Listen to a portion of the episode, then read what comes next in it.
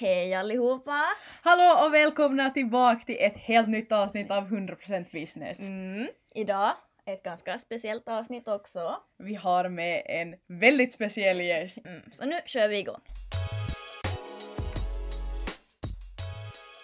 Välkommen tillbaka! Idag har vi med oss en alldeles speciell gäst. Välkommen Göran! Tackar, tackar. Vi kör igång direkt så du får börja med att berätta lite om dig själv. Ja, tackar. Jag heter Göran Östberg, jobbar på Vasa-regionens utveckling, VASEK. Och här jag jobbar nu då fjärde året med hållbarhet och cirkulär ekonomi och lite sånt.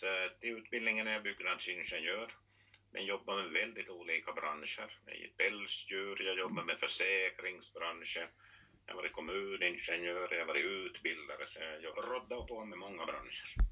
Precis. Vill du berätta om din resa till Vasek? Resan till Vasek gick ju till på det sättet att jag hade jobbat på ett annat företag och så blev det paus därifrån. Och då söktes det då personer som skulle kunna dra ett projekt som hette Regulär ekonomi i Korsola. Och jag sökte det här jobbet och kom på andra plats. Men då den som skulle ha fått jobbet så hoppade av och då kom jag hit. Så jag började, tror jag var 4 augusti 2017 det här. Precis. Du var nyligen med i en Vasabladet-artikel här och då var jag om just färdplanen Österbotten ställer om och det här KREM-projektet. Vill du berätta lite om det? Jo, bakgrunden till det här då var det jag jobbade med det här cirkulär ekonomi-projektet med Korsholm och kring Stormossenområdet och det så var jag också inbjuden till Amsterdam av nordiska ambassadörerna och berätta om cirkulär ekonomi i Finland och vad vi höll på med. Och då träffade jag en organisation som heter Circle Economy i Amsterdam som eh, har hade börjat jobba med sådana här färdplaner. Och då slog det mig då jag besökte dem att men det här är ju någonting vi skulle behöva ha absolut i Österbotten och inte bara då kanske Vasa eller Korsholm eller sånt utan, utan gärna hela Österbotten. Och då sökte vi ett nytt projekt. När det projektet tog slut så hade vi gjort en projektplan och sökte finansiering för projekt och det kallade vi då för Circle Economy Roadmap and Action Plan för Österbotten Region, så det är kort sagt. Men vi förkortade det då till CERN. Och eh, den vägen är vi på, på resan. Vi fick finansiering och vi, då blev större projekt så vi är tre projektledare Thomas Knut sitter då i Jakobstad, jag sitter här i mitten och så har vi Rasmus Autala som sköter Närpes K-stad, näringslivsbolagen. Så vi är som fyra näringslivsbolag med tre heltidsanställda projektledare, så jättebra samarbete. Precis. Vad är det här för projekt liksom? Vad håller ni på med nu just? No, nu har vi ju då publicerat den här färdplanen i februari och nu jobbar vi med att försöka få den som implementerad för företagen då i regionen. Tänker vi här i Österbotten har vi väl ungefär 15 000 företag så vi har ganska många att springa i och försöka få med på resan. Så att eh, det ska bli jätteintressant och det har väckt mycket intresse så det är många som brukar rycka oss i ärmarna kan ni komma och berätta nu vad är det här frågan om och varför ska vi göra det här och så vidare.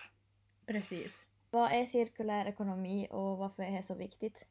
No, cirkulär ekonomi är ju sån ett begrepp som är svårt för att det finns ingen riktigt tydlig definition på det här begreppet och många tänker då, speciellt då jag började med mitt första projekt, så var det många som sa ja men, men avfallshanteringen fungerar. Vi har en avfallshanterare som kommer och hämtar våra sopor så inte är det där någonting som är aktuellt. Men till förklar då att det där som ni nu tycker är avfall så kanske kan vara en råvara för ett annat företag. Och det är den här biten som kan vara svår att förstå. Man tycker det fungerar och eftersom det fungerar så sätter man ju inte någon tid och resurser på, på sådana saker utan man har andra bekymmer i företagen och det här har varit en utmaning. Så därför har vi också börjat prata om då hållbarhet. Hållbarhet är ju ett betydligt bredare begrepp i företagen, alltså för att lite styr fokus då mot hållbarhetstänk och cirkulär ekonomi så använder vi båda begreppen, men det är lite olika. Och som sagt, det här är jätteviktigt för det här har kommit starkt. Då jag började då 2017 var det nog ingen som visste vad cirkulär ekonomi och det sa att ja, vad jobbar du nu? Jo, jag har fått jobb på, jag jobbar nu på Vasaregionens utveckling med cirkulär ekonomiprojekt och eh, uh, jaha, Vad är cirkulär ekonomi? Och det har nu då, brukar säga, det exploderar i mina händer, hela det här jobbet som nu, nu pratas ju dagligen om och skrivs i alla tidningar och överallt. Så det var en sån riktig hype-grej det här. Så var, det jättetrevligt att vara med. Precis. Hur ser du på saken att hur skulle man kunna få Österbotten mer just hållbarare och få in den här cirkulära ekonomin i vardagen? Ett intresse och eftersom det som jag sa skrivs väldigt mycket i media om det här så har nog faktiskt intresse väckt jättemycket. Mm. Och företagen börjar, och speciellt nu vi kanske som pratar svenska och tittar mycket på Sverige och så vidare, där man pratar om är väldigt mycket och är väldigt duktig på att marknadsföra, så intresse har nog växt. Och vi måste bara satsa på det här, annars så är vi inte konkurrenskraftiga på marknaden. Precis. Så i princip är det här just att få ut det här budskapet? Absolut, att ska företagen vara konkurrenskraftiga och vi har nog sagt så här att ska man vara på marknaden om tio år så då måste man ha gjort ganska mycket och tio år är en väldigt kort tid. Så det är lite panik. Vi, vi måste bara jobba med det här nu snabbt. Ja. Vad är hållbar utveckling och varför är det viktigt? No, hållbar utveckling är kanske då det som jag sa lite bredare begrepp. Där tittar man på många olika saker i företaget, alltså miljöåtgärder, hur sparar man resurser, hur behandlar man personal och, och så att lika behandling. Vi tror ju att vi är väldigt jämställda här i Finland, men eftersom vi tror det så jobbar vi alldeles för lite med det och inte tror jag nog alla företag riktigt kan tänka sig titta i finländare och invandrare och kanske med olika religiösa och sexuella läggningar så inte är det så det riktigt självklart att man har en plats eller om man sitter i en rullstol att det är arbetsplatsen anpassat också sådana kan anställas. Precis. Så, så det här hållbarhetsfrågorna är, det finns ju då de här globala hållbarhetsmålen som man kan titta på. Varför är just de här, de kallas ju oftast de 17 globala målen, varför är just de viktiga? Du nämnde dem där. Jo, de är, de är jätteviktiga och där väljer man ju ut då kanske en två, tre mål som man aktivt jobbar mera med och, och också kommunicerar utåt. Och det här är ju det här FNs globala hållbarhetsmål och tar vi sådär historien så var det egentligen kineserna som började titta på det här med hållbarhet först av alla. Och sen var ju då EU och FN snabbt att haka på och börja utveckla det här. Så att många kanske tror det här är en europeisk grej, men det är det faktiskt inte, utan det här har nog hela världen tittat på länge av olika orsaker. Och, och där finns de här 17 målen som är lite olika fokusområden och där gäller det att välja ut vad som är viktigt för sitt eget företag men också mot kunderna. Vad vill vi lyfta upp? Vad jobbar vi speciellt med i vårt företag? Precis, de här målen ser man ju nu just överallt, till exempel just på den här tävlingen i yrkesskicklighet Taiteja, så är det ju en väldigt stor del också så att det kommer in även i inlärningen. Jo, för det är ju nästan grundstenarna för hela det här hållbarhetsarbetet som skapar. Och det var ju Gro Harlem Brundtland, då, förra statsminister, som redan 1987 jobbade för FN och då som egentligen drog igång det här arbetet att dagens unga har en framtid så måste vi vara rädda om vårt jordklot och vår miljö och vårt liv och leverne så därför är det mycket, mycket viktigt. Precis. Hur skulle du lätt förklara skillnaden på cirkulär ekonomi och hållbar utveckling? För jag vet att det är jättemånga som blandar ihop de här. Ja, no, cirkulär ekonomi är ju mera det här då att eh, man gör sina produkter på ett sådant sätt att det aldrig skulle bli något avfall. Vi pratar om linjär produktion, det betyder då att vi planerar en produkt, designar en produkt, vi tillverkar den, använder den och så slänger vi bort den. Det är linjär ekonomi. Pratar vi om återanvändning eller second hand eller vad vi pratar om så då betyder det att den här produkten används några gånger till.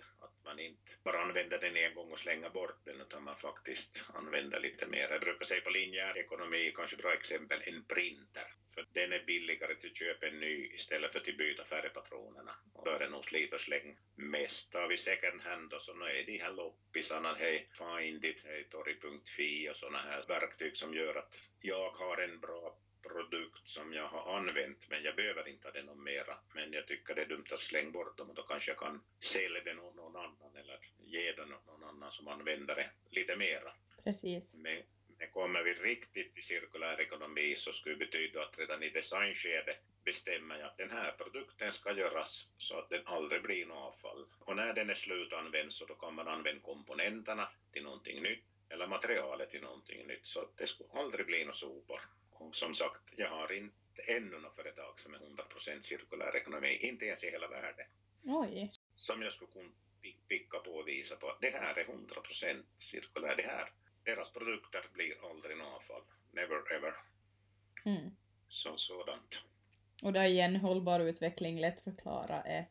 Och där till att man minskar på sitt koldioxidavtryck, att man, man har hållbar produktion, man smutsar inte ner vatten och, och miljön och luften och så vidare. Och man jobbar med personalen, att man har en bra arbetsplats, man har ett bra liv och lever när man stöder varandra. Så att där är som mera det här att man kan tänka att också kommande generationer kan bo i min by eller jobba i mitt företag eller det som mitt företag åsamkar naturen så att, att det är som ett vidare begrepp. Men det är klart det är en stark koppling till cirkulär ekonomi.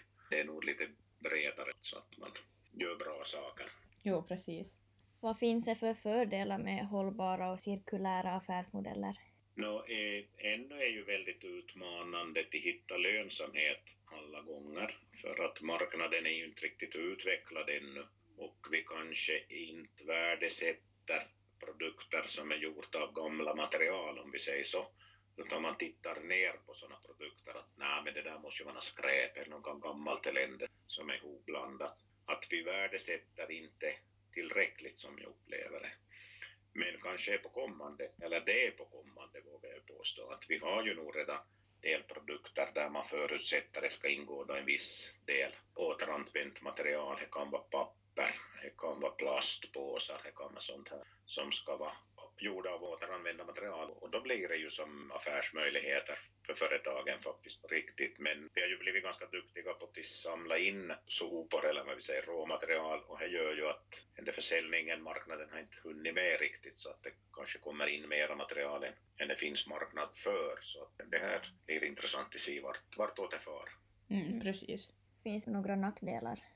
Nackdelar är förstås kvaliteten och vi har också i färdplanen lyft fram det här lite att eh, det som är cirkulärt behöver inte vara hållbarhet. Det finns faktiskt exempel när man blandar återvunna material och skapar ett ännu värre problem. Jag brukar som exempel en bekant som visade ett par yllestrumpor som var blandade av gamla fisknät och ull. Och jag sa yes, det där är säkert bra cirkulär ekonomi-tänk men nu har du mixat plast med ull. Det betyder att när den där strumpan blir dålig så då, vad ska du göra med den? Du kan ju inte som separera den igen. Att förr i världen så när en tröja blev dålig så då nystade man, då rev man upp den och så gjorde man, tog man garnet tillvara och gjorde en ny tröja. Men har du blandat nu plast och allt möjligt mystiskt in i det så blir det inte riktigt bra, utan du har skapat ett värre problem egentligen. Så det finns sådana här grejer, eller att det kommer kemikalier med eller sånt i de här produkterna från det här återanvända, så man måste tänka till där att man är noga så man gör det på rätt sätt. Mm. Hur blir ett företag hållbart? Det är nog att lära sig och titta på sina processer och vad man köper in och vad man säljer. Och det här är en lång resa, det här är egentligen samma sak som då man inför ett kvalitetssystem eller eh, som man pratar om det här lean-tänkandet, att det är en lång process som man börjar med till kartlägg och se i företaget, var har vi våra dåliga saker som vi skulle börja titta på? Och vad har vi för process eller för grejer som inte är riktigt hållbar, Till exempel energianvändningen. Att ska vi gå bort från fossila bränslen, ska vi bort från olja och sånt här och satsa mera på fossilfri energi, grön el och så vidare. Och sen materialen, att, att kan vi ersätta det här som man pratar om jungfruliga material, alltså som bryter ur naturen, att kan vi ersätta det med någonting som är återanvänt så då blir det mer hållbart. Så, att, så sådana här saker. Och sen hur man då jobbar i företag, att man är lite smartare, använder mindre resurser, använder mindre energi. Och nu har ju till exempel den här pandemin gjort att man, resande har ju minskat jättemycket. Och vi kör inte kanske så mycket bil som tidigare och så vidare, reser inte och flyger inte så mycket. Så det påverkar ju jättemycket de här miljöbelastningarna. Så att det finns mycket, mycket man kan göra, men ett, ett sånt här strukturerat arbete man måste till så att man kommer vidare och skapa åtgärder. Mm. Hur blev du intresserad av just cirkulär ekonomi och hållbar utveckling? No, det här var nog via projektet. Det är klart man har väl haft lite tankar sådär sporadiskt. Att man kan ju inte förstöra naturen och eftersom man själv är väldigt naturintresserad och jakt och fiske och sånt så känner man ju till att man måste sköta om sina områden. Men det var nog via det här projektet. Första månader gick nog bara åt till att lära sig vad det här är. Jag surfade jättemycket, prenumererade på många nyhetsbrev och, och läste och lärde mig. Och det, bara, det blir bara mer fascinerande för varje dag, fast jag har hållit på nu som sagt på snart fyra år, tre och ett halvt år, så blir det bara mer spännande. Och speciellt med den färdplanen har vi ju lärt oss jättemycket, riktigt på djupare kunskap. Så det är mycket trevligt och spännande arbete och, och viktigt arbete också. Så att Jo. det här är en otroligt fin resa för mig själv. jo. Hur skulle en privatperson kunna tänka mer hållbart? När jag skulle säga med de här små stegen, om jag tänker på mig själv så till exempel då vi handlar bröd så är det ganska stora förpackningar. Men nu i vårt hushåll är vi oftast bara två stycken. Så nu har jag då lärt mig att då jag köper en limpa så delar jag den åtminstone i två delar och sätter halva i frysen och halva äter vi småningom. Och när det har gått två, tre dagar så tar jag upp andra halvan. Sedan med sortering förstås och matspill, att verkligen undvika matspillet. Kanske man kan göra någon annan rätt av det där som lämnar eller att man värmer och tar med till jobbet eller på kvällarna så tänker man ja men jag lämnar från igår någonting som vi kan värma det där och så delar vi på lite att har vi nu då en bit köttfärslimpa och så kanske vi har några plättar så kan man ju, kan ju kombinera det där det behöver ju som vara så strikt. Så det där är ju som jätteviktigt att man kan ju mycket. Kanske man kan undvika lite bilkörande, kanske man kan ta cykeln åtminstone på närmare rutter man kör, att inte behöver man ju bli någon extrem cyklare för det, men lite tänka till. Sådana små åtgärder gör ju jättemycket och när man börjar som jobba med sånt här och tänk till så lär man ju sig också mer och mer att jaha, att man kan faktiskt göra av något matspill kan man göra en annan produkt. Eller när datum har gått ut på en burk så betyder ju inte att produkten är dålig utan då öppnar man och smakar och luktar och ser så att den går till användning hur bra som helst fast datum har gått ut. Att man fokuserar på de här bäst före datum och sånt. Så det finns jättemycket man kan göra själv och det ska man göra. För jag tycker man ska göra själv också, sopa vid egen trappa förrän man börjar ropa och skrika vad andra skulle göra. Så att Ja. Hur tror du Finlands framtid ser ut? Tror du de kommer nå alla de här målen och hur ser det ut på den här hållbara utvecklingen och allting? Tror du de kommer lyckas? Jo, eh, intressant fråga. Intressant fråga. 2050 har ju EU då fastställt man ska vara koldioxidneutral, alltså vi ska inte släppa ut mera växthusgaser, inte bara koldioxid utan växthusgaser, alltså det ska vara en nollnivå. Men eh, Finland ska ju alltid vara ambitiös så då har vi ju då bestämt 2035 ska Finland vara i, i mål och jag tycker nog är lite orealistiska, men vi gör jättemycket nu från, det kommer jättemycket från EU, tryck och på från EUs Green Deal, från beskattning, från alla möjliga instrument som påverkar lagstiftningen i alla medlemsländer. Plus att då Finland är föregångare och Finland var ju då det land som hade först var ut med den här färdplanen för omställningen som Sitra tog fram och redan är 2.0 publicerad och, och många tittar med, med stora ögon på Finland vad vi gör och, och vi börjar göra faktiskt saker. Och all finansiering och sånt fokuserar jättemycket nu på det här hållbarhetstänket och cirkulär ekonomi så det händer nog, det händer jättemycket om jag tänker nu på den här korta tiden jag håller på så går det framåt med den här farten så då klarar vi det säkert. Men stora utmaningar är inte små utmaningar, det är stora utmaningar och därför brukar jag säga att den här pandemin, covid, är nog en liten grej för företagen jämfört med det som ska till om vi ska vara klimatneutrala 2035 och det är då Finland och ska vi nog vara bäst i Österbotten så då ska vi nog redan 2030, 2031 borde vara på nollnivå. Och är det 15 000 företag plus alla kommuner och sånt som ska ha ställt om så har vi nog en utmaning, verkligen. Men det kan nog hända inte omöjligt. Det blir intressant, det blir jättespännande att se hur det lyckas. Då måste man ju nog säga att man är stolt över finländare om det faktiskt går så här bra redan. Jo, vi tittar ju jättemycket på övriga länder och följer med och kanske vårt problem, typiskt finländskt, vi vågar inte berätta vad vi håller på med. Vi är väldigt fokuserade på aktiviteter, men vi är så väldigt dåliga att marknadsföra det. Tittar jag på Sverige så är ju jättebra att sälja och skryta på sig själv, men de som går in och ser vad de gör i verkligheten så blir det ganska tunt. Och vi måste bli det där vi har ett sånt begrepp som greenwashing, där det då betyder att man skryter jättemycket men man gör inte så mycket. Och så har vi det här finska systemet green hash, där vi gör en hel del, men vi vågar absolut inte öppna munnen och berätta om det, för vi tror vi måste vara färdiga innan vi vågar berätta. Men ska det bli till pengar, till green cash, så då måste man göra en hel del, men man måste också vara väldigt bra att berätta om vad man gör.